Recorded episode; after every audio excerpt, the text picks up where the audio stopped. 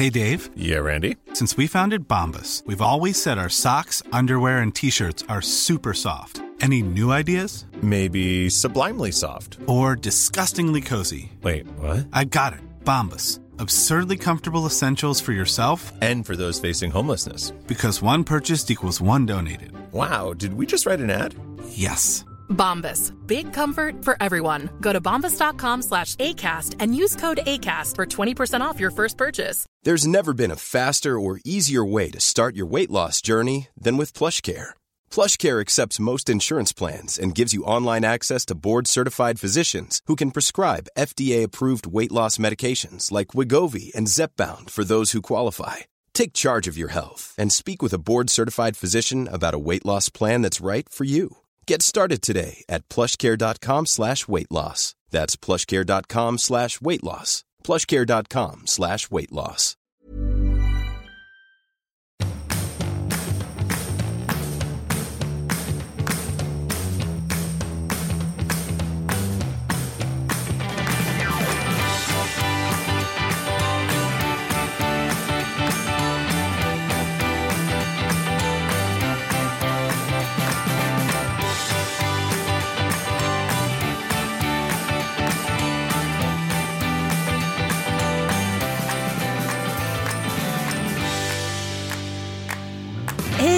Välkomna till eh, en lite annorlunda podd. Eller annorlunda annorlunda. Men jag sitter här ensam i en studio med en eh, blaskig kopp Java. Och eh, lilla Skolman eh, har blivit toppmodell på Mykonos. Will you come back to me? Will you come back to me? Never. Jag har ju bytt upp min livsstil nu. Så nu är det liksom jag som reser runt med ett team. Och Jag förstår, alltid förstår. dricker en perfekt tempererad latte macchiato. Direkt mald från Java. Direkt importerad från Afrikat. Själv har jag fått konstiga hudutslag i ansiktet efter att ha haft puder för första gången i mitt liv. Hur känns det? Puderchocken, hur var det? Nej, min hy gillar inte det. Kunde inte andas. Nej, jag kunde inte andas. Jag reagerade. Det har nått ett litet rykte ända till Mykonoset att eh, din son har ett underligt utslag. Kan vi fastställa vad utslaget är för någonting? Fransosen eh, Södlund, Frasse Ja. Bie höll jag på att säga. Eh, grejen är att jag har aldrig fått detta gensvar. Någon gång på, på min Insta-story. Till slut var jag så här, tvungen att så här, gå ut med så här, tack snälla för omsorgen men nu är det, liksom, nu är det klart. Ja, men det var som att eh, ja, det fanns så många förklaringar till det här. Allt från att, att han hade haft hörlurar eh, runt huvudet eh, ja, men till borrelia som det var, till 50 sjukan. Till, ja, det var så mycket förslag. Men det var borrelia. Det var borrelia, men shit, Ja. stackars lille man. När jag var i Toscana på min vin och dinresa så ringde Mattias och då hade frallan haft en, eh, ja, en fästning precis där vid örat och sen hade de inte fått bort den på någon dag. Så det gick det exakt två veckor och sen poff så var det där. Så nu käkar han medicin tre gånger per dag. Vad kul. Det är väldigt, väldigt roligt att ge små barn medicin. Det är det bästa de vet faktiskt. Ja men han får ju sin Vellepelle så att det går ju hur bra som helst. Ja, ja, men då så. Vilken tur. Ja. Det är ju lite annat med kovepenin. Kan de inte bara uppdatera det där jäkla kovepeninet? Varför ska det vara så äckligt för? Men nu Och var det varför med ska det liten vara i fruktsmak. flytande form? Nu är, var det lite med fruktsmak. Men nu, jag sitter ju och ser dig live här darling. Eh, Du skickar en bild sen som jag kan lägga ut. Men för er som inte ser Anita, Anita Clemens brön här till frukosten. Och det är inte vilka våfflor som helst. Eh, kan du förklara vad du gör där? Du är alltså en plus 40 modell som nu ska bli supermodell i bikini. Jag, vi fattar inte riktigt vi här på Acast Jag vet in. inte riktigt heller vad jag gör här. Men jag tänkte att jag, vill, jag kan inte motstå att åka till det här stället. Nej, nej, i, bo i inte. en av deras fetaste svitvillor. Alltså det är en villa på hotellet vi har. Med en egen jättepool. Ja, du fattar. Det, det var liksom lite för, för svårt att motstå. Så jag tänkte så här. Och så tänkte jag verkligen på det. Jag gjorde ett utvik en gång i café på det glada 00-talet. Jo, tack. Och då var ju det en tidskrift som liksom riktade sig till män och vi kvinnor skulle liksom vara gemål för mäns form av runkfantasier och så vidare. Eh, och nu har ju liksom tjejerna tagit makten lite över runkbranschen så att säga och nu släpper de sina egna underkläder och eh, baddräkter och jag träffade Jossan Forsberg första gången jag var i Los Angeles för två år sedan och vi hängde i flera dagar precis efter, eh, direkt efter min skilsmässa som då var väldigt inofficiell så jag tror inte ens jag berättade för henne. Eh, och var ganska under isen och hon liksom är en ung supercool brud som bara liksom gjort sin skit rätt. Och jag, bara, du vet, jag älskar så här unga tjejer som bara tar för sig och gör sin grej. Så hon ringde mig helt sonika för två veckor sedan och frågade om jag hade lust att vara hennes plus 40-modell på Mykonos. Vilken tur att du hade hunnit fylla 40 då. Vilken tur! Hon vill bredda sig och liksom nå lite äldre målgrupp. Och då tycker jag så här, ja det här blir väl per definition ett utvik. Silvia Caruso är här, en världskänd babe så att säga. Som har 1,8 miljoner följare på Instagram. Och jag läste, första gången jag stötte bekantskap med henne det var i en skvallertidning i somras på Iska. För hon är någon så här italiensk superbabe som är ihop med någon, eh, med någon diamanthandlare och bor i Dubai och USA och allt vad det är. Eh, nej men så hon är här liksom. Så att det är ju liksom ett, en high-end plåtning på alla sätt och vis. Jag har liksom inte riktigt fattat omfattningen förrän nu. Nej, men, men liksom... Så jag kommer vara kusinen från landet. Men det jag vill säga med mitt gamla kaféutvik, det här är väl per definition ett utvik, men fan vad glad jag är att eh, göra det vid 40-årsåldern och kunna dels ha det som ett tidsdokument för en själv och liksom så här, hey I look like this when I was 40. Och eh, samtidigt så är det så här, nu är det jag som har kontroll eh, bak, eh, för det som publiceras och inte någon snubbe som ska runka till mig. Det får de göra ändå, men, men, men, men, inte av den anledningen. Men du kommer ihåg den stoltheten du kände när du fick vara med i Café? Det var ju alla kvinnors högsta dröm att få vara med naken, halvnaken i Café. Du, jag fick så otroligt mycket skit av mina tjejkompisar som liksom verkligen var så här Linda Skugge-feminister och tyckte då att det var förta- förtappat utav kvinnor att eh, göra sig till objekt för männens eh, fantasier. Så att jag var inte alls stolt för det där gigget då. Nu tycker jag att det var lite kul att jag gjort det. Mm, sånt. Kan vi komma på något mer som man tycker blir roligt och eh, härligt med tiden som man inte tyckte för typ 20 år sedan? Nej, eh. exempelvis män man var tvungen att tråna över på 90-talet som jag la upp en väldigt rolig Insta-story på här under helgen. Ja, ja jag, jag gick liksom verkligen ner djupt i botten botten utav mitt, mina, mina, mitt svartaste mörker och insåg att jag faktiskt hade trånat över Adde Malmberg en gång i tiden. Tyckte att han var lite spännande där när han hade mustasch och var så rolig i Söndagsöppet. Ja, jag var väl kanske åtta år, inte vet jag. Ja, men, men... men det handlade ju också om utbudet på det glada 80 och 90-talet. Att det var inte så många män som var exponerade i eten och fick så mycket airtime. Och då var man tvungen att amorisera över det lilla som fanns. Staffan Dopping har även du... fått sig en tanke. Ja, ja, ja. Thomas Ravelli. Det var många som hade trånat över Thomas Brolin. Någon hade till och med fantiserat att hela EM-truppen från 94 kom hem och bjöd henne på frostisflingor. Jaha, det var inte en sexuell touch på den? Nej, nej, nej. Men de flesta nej, nej. fantasier man hade i barns ålder, det var ju typ att man pussades i bästa fall. Eller kramades eller att man bara fick vara nära den där personen. Jag har liksom inte drömt om att få hångla med Adde Malmberg. Det vill jag understryka. Nej, jag, jag har fattar, fantiserat om att jag får vara med Adde Malmberg. Men grejen är ju att jag hade ju också eh, en sån, Lasse Åberg. Lasse... Lasse Åberg! Ja, ja. Alltså jag orkar uh, inte. Jag vet, jag vet. Långskonken. Jag vet. Ja, men jag kan ändå så känna lite så här, um, jag kan ändå hålla med i SOS att man tyckte han var lite gullig. Och sen så, men det roliga är att jag har ju också sett Lasse Åberg naken stoppa pressarna. Men det har väl alla i ballongdansen? Nej, men alltså, på en, alltså inne i en omklädningsrum på en eh, liksom, fotbollsmatch. Där För pressen, att du var med din farsa? Mm, och alla trodde jag var en kille. Så det var så här, jag hängde med in i omklädningsrummet. Och, tänk dig det idag. Tänk dig det idag. Nej, nej, nej. nej, nej, nej. Lite nej, nej, nej, stolt Musse Pigg där. Så.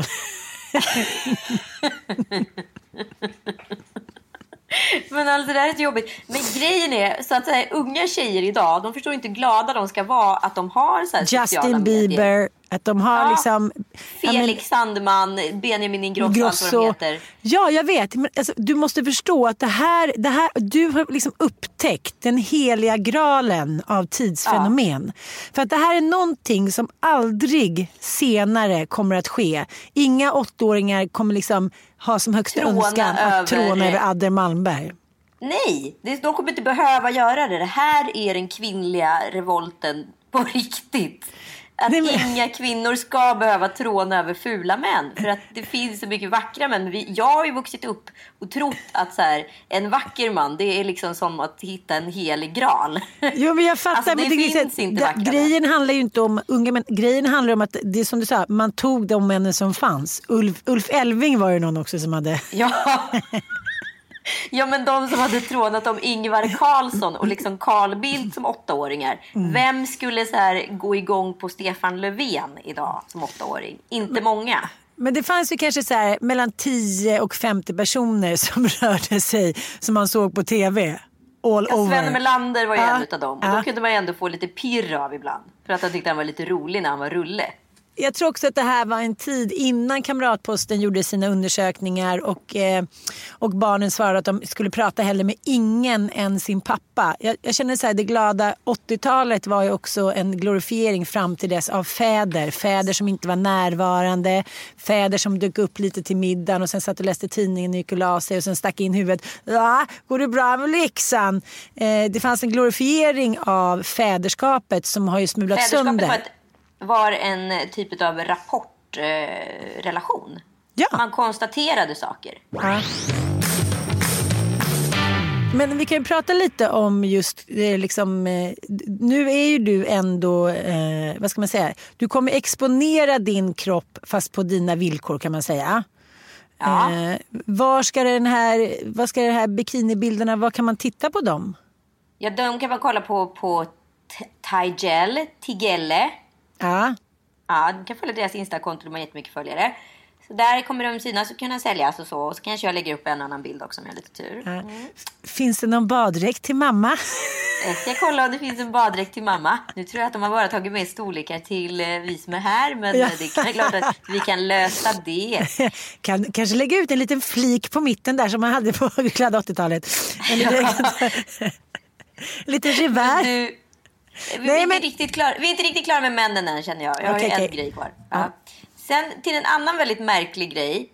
Eh, det är ju också att, eh, att vad heter det, vi fantiserade om seriefigurer. Att det var någon som var väldigt kär i Chatte. Sluta. Jag Nej, visste gått för inte långt. ens Nej, eh. att man kunde se skillnad på dem.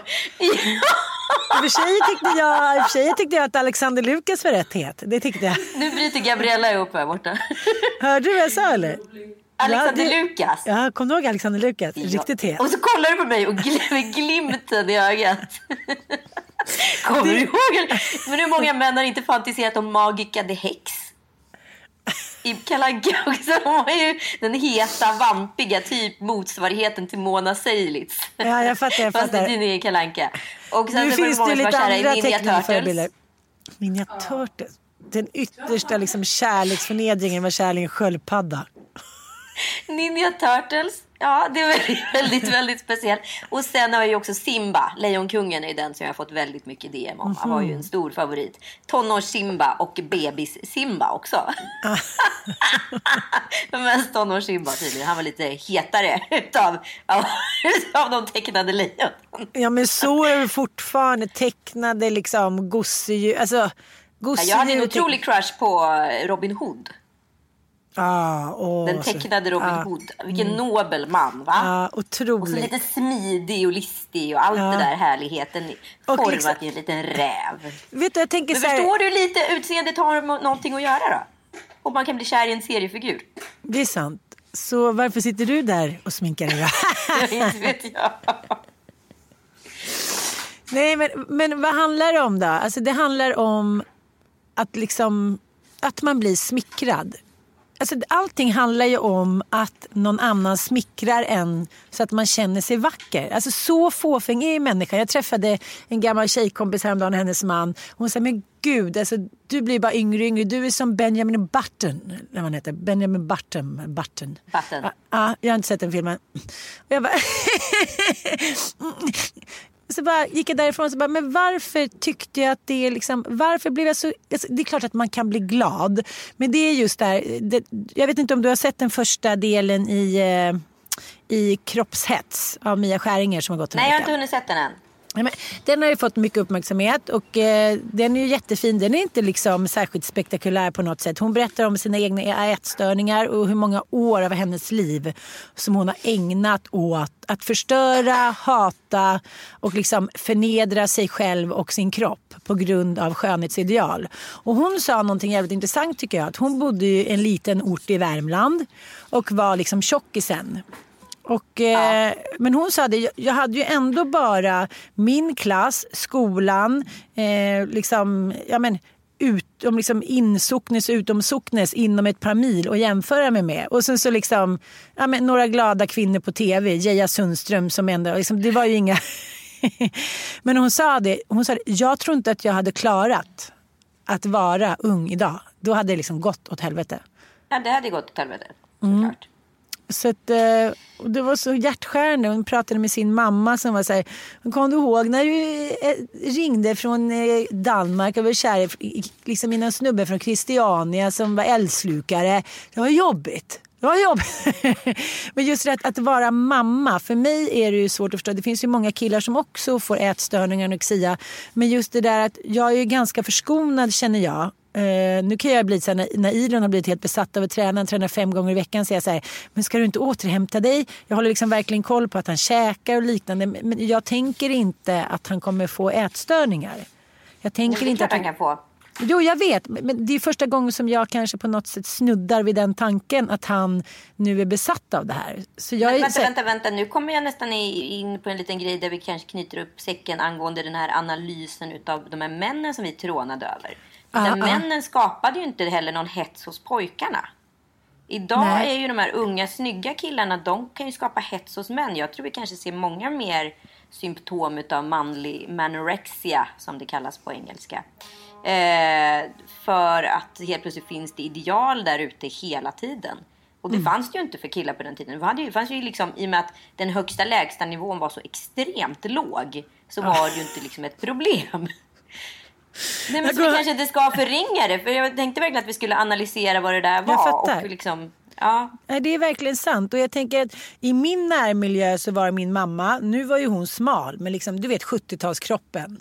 Den var Ja, slank av cigg och vin och liksom inte så kanske nyttig mat. Men, men liksom papporna var ju så här ölkaggar, små noppedonisar och liksom skägg och polisonger. Det var ju inte så här, det kanske inte var det, kanske inte var den stora eran, liksom Michelangelos skönhetsideal. Det kanske inte kommer gå till historien som liksom det vackraste årtiondet. Nej, Ehm. verkligen inte. Särskilt inte för männen. Sen kan man ju kolla tillbaka på Lauren Hutton och de där stilidealen från 70-talet. Det var väldigt snyggt. Men just männen kanske inte hade under 70 och 80-talet sin liksom sin höjdarera. Så det kanske var en befrielse både för tjejer och killar att man inte... Jag tycker, det var, på ett sätt var det ju ganska könsneutralt. Man tänkte inte så mycket sådär, åh titta där går en vacker kvinna, eller titta där går en vacker man. Jag tyckte att allting liksom föll ihop under geggan föräldrar och vuxna. Jag brydde mig liksom Mm. inte så mycket. Förstår du vad jag menar? Nej, jag förstår verkligen. Alltså, ja, alltså det var ju så här... Det var ju inte så att man så här gick igång på någon av pappas kompisar direkt. Liksom, utan det var ju så här några få män som exponerades mycket i eten. Och de fick eh, ju liksom ens amorösa känslor på ett eller annat sätt. Liksom. Men det är det jag menar, vad som är intressant med att man kan bli så här förälskad i en seriefigur. Det betyder ju faktiskt inte att så här, på det stora hela att utseendet har så mycket betydelse utan faktiskt att så här, det är en god person eller en, en eh, välmående person. Gullig. En gullig, en gullig karaktär. Men Om det, du finns, blir kär i en ninja turtle liksom. men det finns en karaktär som faktiskt ingen har blivit kär i. Vem då? Gissa? Eh, Kalanka? Karlsson på taket. Karlsson på taket. Nej, han, han har blivit ganska olagd måste man säga.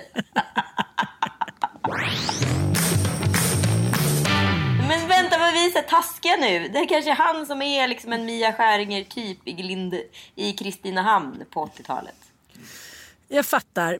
Men det finns ju någonting med Karlsson på taket-männen precis som det gör med Pippi Långstrump-typerna. Det är att de får ju aldrig växa upp. De är ju liksom för Nej. alltid kastrerade. Och det blir på något sätt sorgligt för de kanske på något sätt, det känns som att Karlsson på taket förstår man ju inte riktigt för han är ändå flintskallig men ändå på något sätt ett barn. Han är ju svårdefinierad. Är han gender? är, It's a genderbender. ja, men, nej men jag undrar om han är It's liksom, age gender. Ja, jag vet inte riktigt vem han är och ändå älskar man honom på något sätt. För att han har liksom, han är Man, övergiven. vi kan säga du. Ja. jag tror att det handlar om att eh, den här typen av personer tilltalar barn för att de inte utger sig för att vara någonting annat än vad de är. Nej, Kan det vara så? De vågar vara så sig kan själva. det vara. Bra analys, Ann Söderlund. Men med det Men skulle jag rena. säga... Ja, rena. Precis. Kalle, ren. Alexander Lukas, inte helt ren. Inte helt ren, men väldigt framgångsrik. Ja. Joakim von Anka, för gammal. Ehm, åh, Jag är också ganska bitter. men Bamse här- gillade man ju för att han var... Det var konkreta Ja, grejer. ja. Han var stark och klok och god. Åsa-Nisse och 92an Karlsson. Så de, Men de var ju 91 alldeles för gamla. Vem, varför skapades de karaktärerna? Vem var de till för? För de var ju alldeles för gamla. Ja, men de var ju Alltså till... 91 Karlsson var ju ändå lumpare, det förstår man ju. Men Åsa-Nisse? Och vad hette han den där? Älgen? Älg? Älg? Han som var en älg? Ah, så konstigt. Ja, hur som helst. Men vi måste ändå göra en liten mer dju- djuplodande ana- analys av det här programmet med Mia Skäringer. För att det som hände mig, det var ju också så att när jag kollade på alla hyllningar och alla kommentarer, hennes feed och jag skrev också så här såklart, för jag tycker att det var jättebra och superviktigt. Och jävligt intressant att höra både killar och tjejer prata om så små saker som kan ha förstört deras utseende och självförtroende. Som en eh, kille som berättade att han har håriga ben. Och då, då sa han så här, ja, men det var första gången jag tänkte så här, jaha, att de anser mig som en invandrare, att jag är hårig som en apa. Sen hade jag aldrig mer på mig shorts. Jag tycker att man ska vara så jävla försiktig med att så här, överhuvudtaget till barn och till, och till varandra så här, så här, konkretisera vad det är man tycker är dåligt, fult, konstigt på den andras kropp. Det kan liksom förstöra för livet. Kolla ja, min syrra till exempel. Som, ja, men, ja, men, som liksom 80 och 90-talet så var det så viktigt för tjejer fortfarande att ha små fötter. Man fick inte ha liksom, man var tvungen, man kunde ha upp till 39 men hade man 40 då var man liksom a circus, a freak. Så hon tryckte ner sina fötter och alla med henne i liksom 39. Så att hennes fötter är ju helt bara knöliga och förstörda. Gud vad hemskt. Ja, för att några killar var så Va? Har du 40 skor? Jaha, som att det vore så ett statement. Men så länge man inte kan spegla sig mot någon, till exempel en mamma som har liksom, eh, jag menar, genuskoll och säger så här, vet du en sak? Om han säger så där, så säg så här istället. Så jag tycker man måste också så här pamper sina barn med att någon säger, liksom, många säger ju väldigt mycket till liksom, min Bobba att han är så jävla söt. Mm. Åh, den där lilla flickan han är så söt hit och dit. Så att nu tänkte jag att jag skulle pampa honom med så här, ja, jag måste liksom hjälpa honom att hitta något svar på det. Inte något kaxigt eller något så här. Nej, du ska säga Förstår som du? Tom Allan säger. Jag är inte söt, jag är cool. Ja, det är bra. Den kan vi säga. Och det har han ju lärt sig av sin syrra. Jag är inte söt, jag är cool. Men måste Så mycket man vara bättre att cool vara då? cool. Ja, cool är väl kul att vara. Cool är ju en definitionsfråga som är mycket mer öppen. Ja. Jag är inte söt, Söt jag är är jag. riktat. Jag är jag då. Det är kanske lite svårt för dem att definiera. Det, jag, vet, jag vet vad jaget är än om jag ska vara riktigt ärlig. Okej, men innan vi släpper det här så är det här min fråga till dig. Vi har ju alla ansvar. Du har ansvar eh, nu när du gör den här modellgrejen. Att på något sätt Absolut. understryka att liksom, det här är inte det viktigaste i ditt liv. Men det är mer en rolig grej. Och det tycker jag, jag förstår din förklaring. Men för mig blir det också så här när jag tittar på den här serien och då ska säga någonting klokt och fint eller uttala mig, skriva om det. Så har ju jag till 95% eller 98% tills jag träffade en kille som tydligen tyckte att jag skulle vara anorektisk. och inte brytt mig om kroppshets. Så att jag kan ju inte känna igen mig någonting i det här liksom, att banta eller liksom stoppa fingrarna i halsen eller kolla på kroppsideal. Och jag kommer ihåg när jag började på Titan, då var jag ändå hur gammal var jag då? Ja men typ 25. Och folk skulle så banta och dieta och ta piller och jag var så här, jaha. jaha. För mig var det liksom som att komma in i en freakshow. När de berättade att de hade tagit så piller och liksom svimmat och bla bla. Och när Pernilla Wagen berättade sin historia att hon har bantat inför shower och svimmat av. Så här, jag fattar ingenting. Det är för mig som att läsa arabiska. Jag har liksom aldrig mm. känt av den där hetsen. Så för mig blir det också så här, jag blir nästan så här, tvärtom. Att jag skäms för att jag inte kan identifiera mig med alla kvinnor. Men jag vill också bara understryka att man, man kan också ha varit fri från det där och spelat fotboll och haft en mamma som aldrig har sagt någonting om bantning och bla bla bla. Förstår du lite? Jag menar inte att det är synd om mig men det, det blir också så här, det är nästan som att man inte, ingen tror att man kan ha varit helt fri från det där. Mm, men alltså det där är så speciellt. Min pappa var ju extremt eh, tjock när jag var barn. Alltså han var ju jätteöverviktig. Och på 70 80-talet, vet ju du, så var det ju väldigt ovanligt med tjocka människor om man kan säga. Ehm, en, en på hundra ungefär. Nej, inte och jag skämdes så otroligt mycket över honom. Jag ville inte att han skulle komma och hämta mig i skolan och sådana saker. För jag ville inte att folk skulle veta hur tjock han var. Kom han och hämtade mig i skolan, då fick han sitta kvar i bilen. Så ingen kunde se hans mage. Aha, wow. Mm. Men det pappa gjorde mot mig, i sin tur, som mådde väldigt dåligt över att vara så tjock. Det var ju att han kunde liksom sitta eh, framför tvn och kommentera utseendet på diverse programledare. Eh, vad de hade på sig, hur de såg ut i kroppen. Han kunde kommentera både mig och min mamma stundom. oj, oj, oj, där var det lite runt. Alltså, alltså du vet, såna här små gliringar. Och mm. det där satte spår hos mig på ett sätt Eh, jag har aldrig liksom haft anorexi, jag har aldrig liksom kräkt, jag har aldrig gått till någon typ av drastisk. Jag alltid i grunden varit väldigt nöjd med hur jag såg ut. Jag fick reda på vid 16 års ålder att jag tydligen var ganska mullig. Det hade jag ingen aning om för jag var rånöjd med min kropp. Mm. Så att jag liksom inte, jag det har liksom det har funnits där men det har samtidigt inte bekommit mig eller vad jag ska säga. Samtidigt har jag alltid liksom haft någon typ av, vad ska jag säga, spegelstörning. Ja. Jag definierar mig alltid väldigt mycket tjockare än vad jag är. Ah, wow. Och det tror du kommer från din pappa? Det kommer från min pappa. Mm. Och jag, kan, jag, här, jag går inte och mår dåligt över det här. Det här är ingenting som upptar min tid. Och jag varken så här aktivt bantar eller så vidare. Men samtidigt så vet ju jag att så här, ska jag må bra då måste jag ligga på en viss eh, viktnivå. Och den håller jag genom en viss typ av eh, rutin. Jag skulle inte säga diet, utan mer en rutin. Eh, så att då håller jag igen i veckorna och sen så svävar jag ut på helgen. Så då får jag liksom lite utav båda världar och där tycker jag någonstans att jag har hittat min balans. Men det är väl klart om man så skalar bort den omskrivningen så är ju det såklart en kroppshets. Ja. Men jag också så här, om vi tar bort kroppshetsen och tänker på utifrån ett måendeperspektiv. Om man nu skiter i kroppshetsen och äter vad man vill då börjar man ju må fysiskt och psykiskt illa. Så att det är ju, den är ju svår. Den är extremt svår skulle jag säga. Jag fattar. Men, men du är ju väldigt vältränad och liksom ganska upp i ditt utseende just nu på grund av tror jag, din fest och kanske för att du har träffat Joel och för att du jobbar väldigt, väldigt mycket med liksom kläder och din kropp. Det är inte jättekonstigt. Jag har ju inte samma inriktning men, men det är klart att jag, jag ska också ta tag i börja träna och hit och dit och det är klart att man mår mycket bättre som nu när jag skulle jogga hit.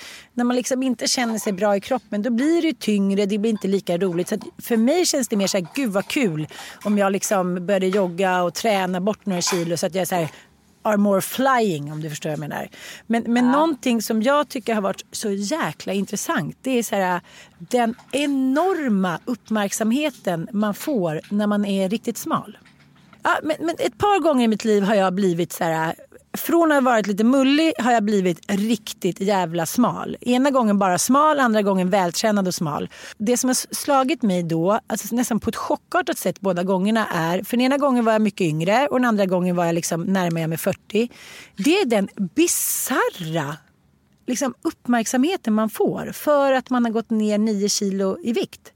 Det är så här som att man liksom, helt plötsligt är man gudabenådad. Man är någonting liksom från en högre sfär. Man är liksom sublim, man är så här eh, fantastisk. Man är så här, som när jag eh, var så vältränad efter jag hade fått liksom trean där. Då var det så här, Ja, men alltså, hon har fött tre barn och kolla på henne, det är helt otroligt. Det var nästan så att folk som ramlade av stolen. Det var tidningsomslag och hit Jag var så här, okej, okay. men då hade jag ändå tränat mig till det. Då kan man ändå känna så här, fan nu fick jag cred liksom. Men gången innan var jag ju bara deprimerad, olycklig, på hal is, drack för mycket, ute på nätterna, åt inget, bla bla bla. Men då fick man också den uppmärksamheten, vad fin man var. Både från äldre, yngre, från alla. Och då blev jag så här, men vad är det i det där som är så jävla attraktivt att vara så där smal? Varför är det så himla... Jag förstår jag, inte riktigt. Nej, jag tror... Ja, men nu låter jag kanske jättedum. Okay. Eh, med risk för att låta jättedum. Jag tror inte det är det. Jag tror att det är förändringen. Förstår du? Det är en så pass drastisk förändring. Så därför vet inte folk hur de ska reagera. Så därför upplever man det då snyggt. För det är inte säkert att det är snyggt. Jag fick ju också extremt mycket komplimanger efter separationen från Kalle. Då gick jag ju ner sju kilo på liksom tre veckor. De hade suttit där i alla dessa jävla år. Och så plötsligt bara försvann de. Jag förstod ingenting. Mm. Och det var liksom så här. Jag fattade inte för jag såg ju inte lycklig ut. Liksom. Det fanns ju ingenting som strålade om mig. Men mm. jag tror att folk blir så chockade när en förändring sker så fort. Så då mm. måste den förändringen vara kopplad med något positivt i och med att man är smal. Förstår mm. du? Alltså jag, tror, alltså jag tror att det är ett varv till. Det är liksom det första du måste uttrycka. Så här, Oj, du ser annorlunda ut kan man ju inte säga. Man säger man så här, wow vad du har gått ner i vikt. För man vet kanske att den personen är lite ledsen också. Så att ja. det ska bli något positivt. Aha, så att gå menar... ner i vikt är lika med att det är positivt. Liksom. Även fast man är skitolycklig? Ja. Men det är helt galet. Men, men jag tänker om du inte hade liksom varit influencer, jobbat med det du gör och sådär. Då hade väl du förmodligen inte opererat dina bröst som var jättefina redan innan. Du, liksom, Nej, det var hade... de inte. Jo, det var de visst det. Jaha, ja. Det är upp till var och en. Jag tyckte inte det. Nej, jag förstår. Men, men, förstår du vad jag menar? Hur definierar du det där? Det är så lätt att säga så här, jag tar makten, jag tar kontrollen, nu har vi egna liksom, konton, Instagram-konton med bikinibilder hit och dit. Just nu tycker jag att det är en skiljetid. Liksom. Det är så svårt att riktigt veta vad är så här feministiskt, vad är en ursäkt för att kunna fortsätta göra så. Jag tycker det är svårt. Förstår du vad jag menar? Ja, Nej, men jag är extremt rädd för att hålla på med såna här typer av omskrivningar. Jag gjorde det därför att liksom. Ah, men för mig var det verkligen så här. Jag har lånat ut mina pattar till två ungar som har sugit på dem nu i två år. Och liksom. Det var ingenting kvar. Jag hade stora lökar innan och jag älskade mina tuttar liksom. Mm. Jag vill ha tillbaka dem så jag har ju bara stoppat i liksom eh, lite silikon och sen så. Jag har inte lyft, jag har inte förändrat dem. Alltså de är ju samma. Jag har bara fyllt ut påsen helt enkelt. Mm. Och va, va, om man tänker så på en skala från 1 till 10. Har det förändrat ditt välmående inifrån och ut eller utifrån och in? Eller... Det har nog förändrat mitt välmående utifrån och in. Och det ska icke, för... och det ska icke förringas. Mm. För att det är också mycket utav det man ser eh, som kanske får en att bli lycklig utan att man vet om det. Och det är töntigt att behöva säga sådana saker, men så är det. Mm.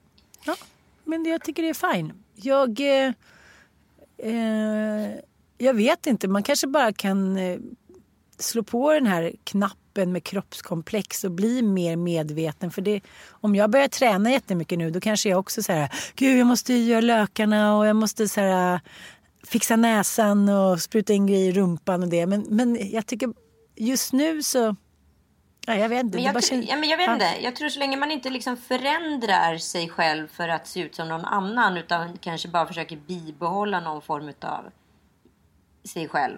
Jag vet inte mm. hur jag ska uttrycka det. Om jag nu är spegelsjuk och mm. hela tiden upplever mig fulare än vad jag är. Då mår ju jag sämre om jag inte möter min spegelbild. Förstår du? Mm, mm. och nu när jag kan titta mig själv i spegeln och se på mina lökar så blir jag ändå väldigt glad. Och hur kan det då vara skadligt? Nej, jag tror inte att det är skadligt. Men, men det är ändå så jävla sorgligt att unga tjejer liksom aldrig har mått sämre och att så mycket tid läggs ner på att tänka på den här jävla kroppen som från början liksom, jaha, den var ett kärl för liksom bebis. Det var ju faktiskt en och mat och liksom kunna jobba så man kunde överleva. Det är liksom intressant hur det har blivit tycker jag. Jag tänker så här, om alla tjejer på högstadiet fick Instagramförbud under hela högstadiet, då tror jag att man skulle se liksom en radikal förändring på måendet. Och utseendehetsen. Absolut.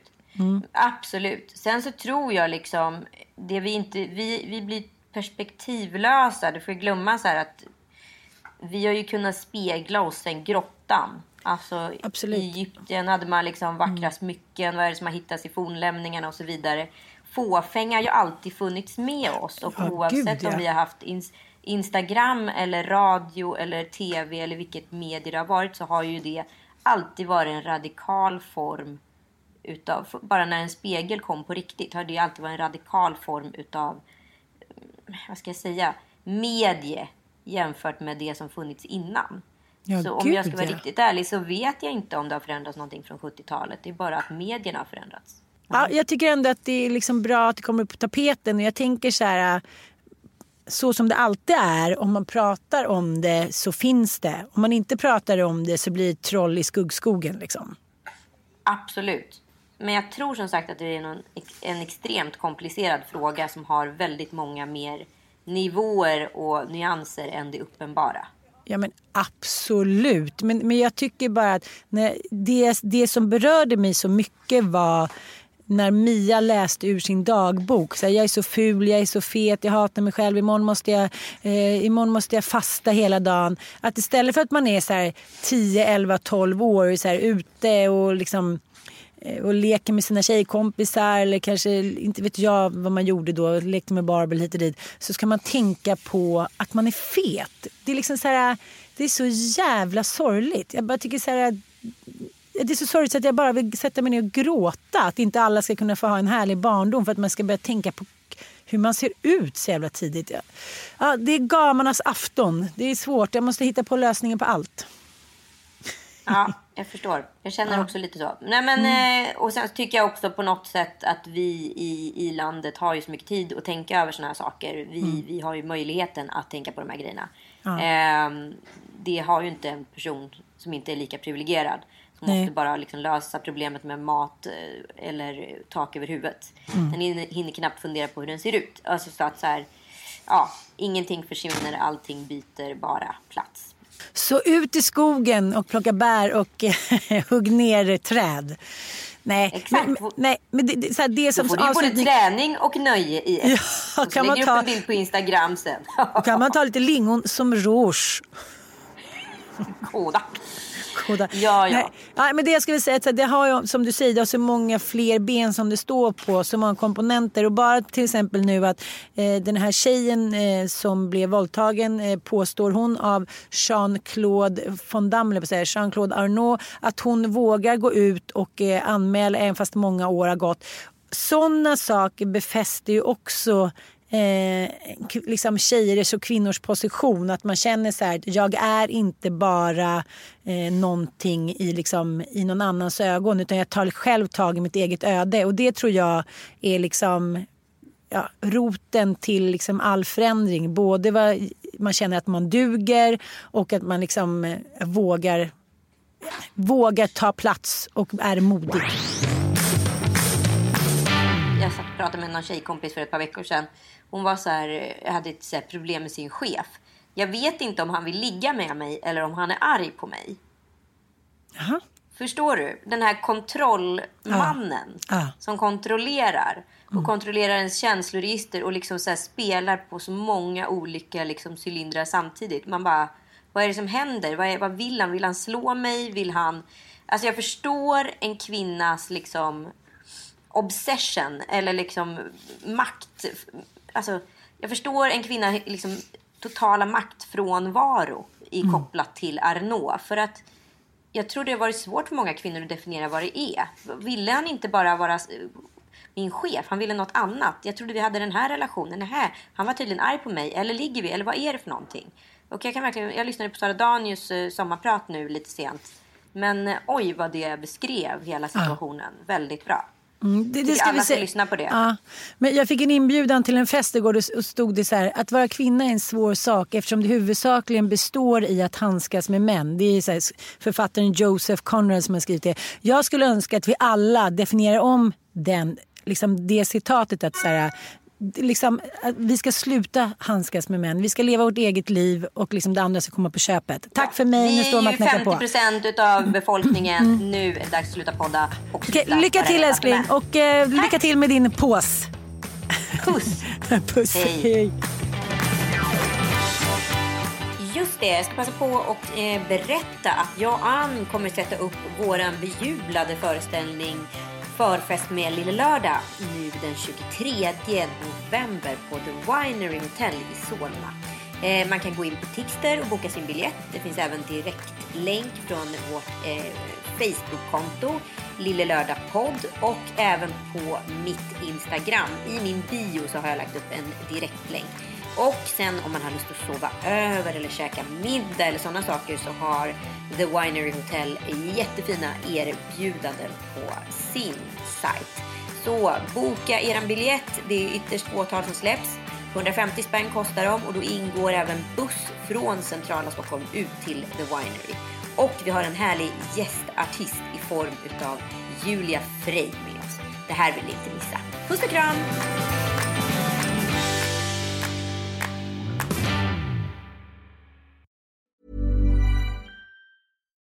Normally, being a little extra can be a bit much, but when it comes to healthcare, it pays to be extra. And United Healthcare makes it easy with Health Protector Guard fixed indemnity insurance plans. Underwritten by Golden Rule Insurance Company, they supplement your primary plan, helping you manage out of pocket costs without the usual requirements and restrictions like deductibles and enrollment periods. So when it comes to covering your medical bills, you can feel good about being a little extra. Visit uh1.com to find the Health Protector Guard plan for you. Mom deserves the best, and there's no better place to shop for Mother's Day than Whole Foods Market. They're your destination for unbeatable savings, from premium gifts to show-stopping flowers and irresistible desserts. Start by saving 33% with Prime on all body care and candles. Then get a 15-stem bunch of tulips for just $9.99 each with Prime. Round out Mom's menu with festive rosé, irresistible berry chantilly cake, and more special treats. Come celebrate Mother's Day at Whole Foods Market.